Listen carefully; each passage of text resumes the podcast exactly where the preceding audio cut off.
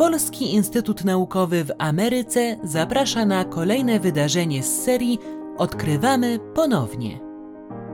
Prezentujemy wybrane archiwalne materiały przechowywane w kolekcjach Piasa w Nowym Jorku i będące polskim dziedzictwem kulturowym na obczyźnie.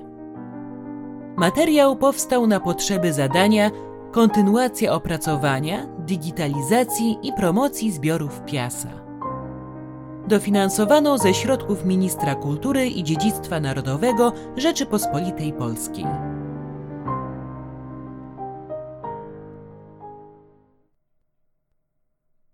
Ty, ojczysta, piękna mowo. Zdarzyło się, że musiałem wyjechać do Niemiec. W pociągu, jak to teraz zwykle, tłok i ścisk.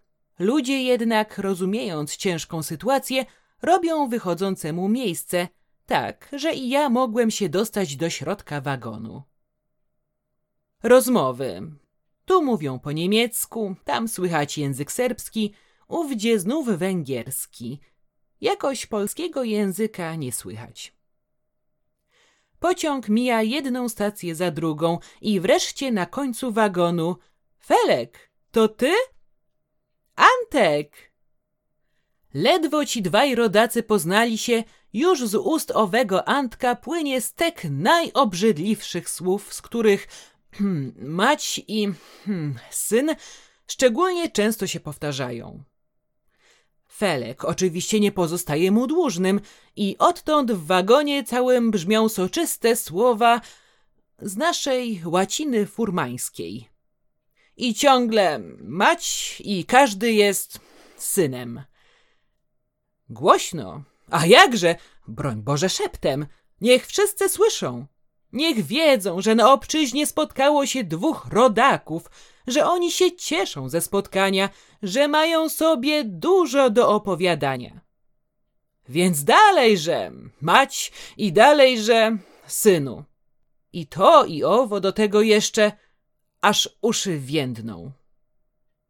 Kiedyś słyszałem, że w dalekich krajach żyją dzikie plemiona, których członkowie, spotkawszy się w puszczy, plują sobie na powitanie w twarz.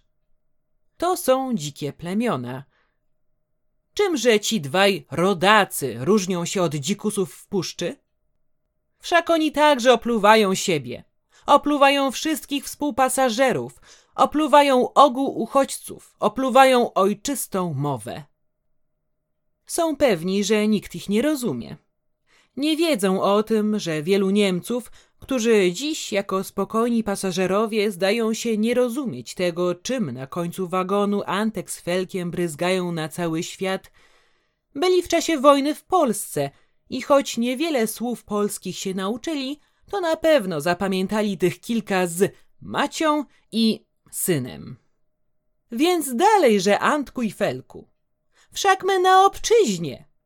Wszak my chcemy przed światem zadokumentować, że nam się krzywda stała, że do Polski wrócić nie możemy, dopóki. Tak jest, Antku i Felku, tylko tak dalej. Czy sądzisz, że cały świat uzna słuszność Twoich pretensji, że cały świat ugnie się przed wielkością Twojej boleści i skargi na niesprawiedliwość dziejową, którą wyrażasz tak pięknymi słowami?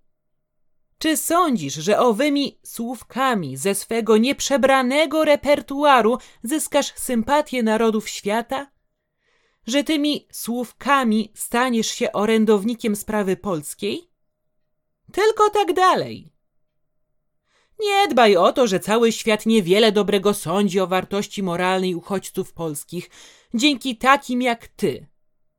Że wszyscy chcieliby się nas pozbyć, bo mają już dość antków i felków, że mają dość nie tylko ich słownika, ale ich krętastw, złodziejstw, pijaństwa i nieróbstwa.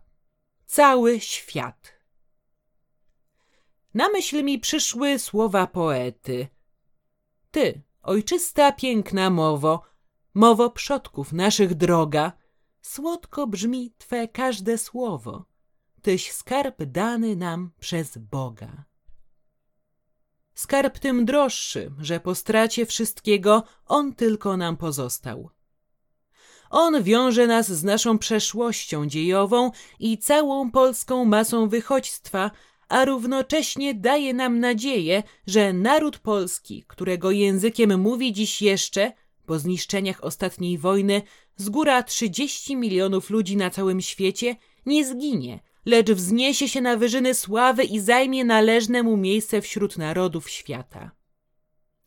A ty, Antku i Felku, rozważcie, ile szkody wyrządzacie imieniowi Polaka, naszej tułaczej masie, naszej ojczystej mowie, plugawiąc ją stekiem najobrzydliwszych słów. Rycerze spod Grunwaldu szli do boju ze słowami modlitwy Boga rodzico dziewico. Przy śpiewie tejże pieśni husaria Sobieskiego biła Turków pod Wiedniem. Z hasłem za naszą i waszą wolność szli powstańcy okresu rozbiorów w bój, a nasi żołnierze tułacze bili wroga pod Narwikiem, Tobrukiem i Monte Cassino z hasłem Bóg i ojczyzna na ustach. A jakież jest twoje hasło w walce o wolność, demokratyczną Polskę, Antku i Felku? Czy ma być nim twój furmański słownik? Czy nie wiesz o tem, ile treści zawiera w sobie słowo matka, pierwsze słowo, które dziecko na świecie wymawia?